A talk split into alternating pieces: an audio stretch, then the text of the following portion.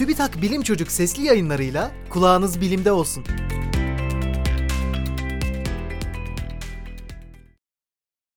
Burun deliklerimizin her biri ayrı ayrı kokluyor. İki burun deliğimizin olması koku alma duyumuzu etkiliyor mu?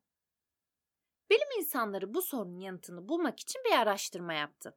Araştırmada beyinlerine sinyalleri takip etmeye yarayan elektrot yerleştirilmiş kişilerle çalışıldı. Bu kişilerin her iki burun deliğine önce ayrı ayrı, sonra ikisine birden farklı kokular verildi. Sonra da kokuları tanımlamaları ve hangi burun deliğiyle aldıklarını belirlemeleri istendi. Bu arada beyinlerinin nasıl tepki verdiğine de bakıldı. İki delikten aynı anda alınan koku daha hızlı tanımlandı. İki delikten ayrı ayrı alınan koku aynı anda alınan durumdakiyle çok benzese de aynı değildi. İki ayrı delikten gelen sinyallerin beyinde farklı sürede ve farklı biçimde işlendiği belirlendi. Burun deliklerimiz birbirinden bağımsız çalışıyor ve her biri ayrı koku alma duyusuna sahip gibi görünüyor.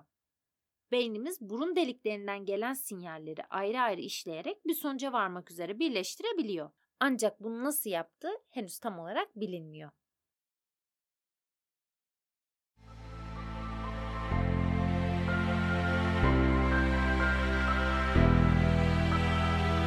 Bilim Çocuk sesli yayınlarını SoundCloud, Spotify, Google ve Apple Podcast kanallarından takip edebilirsiniz.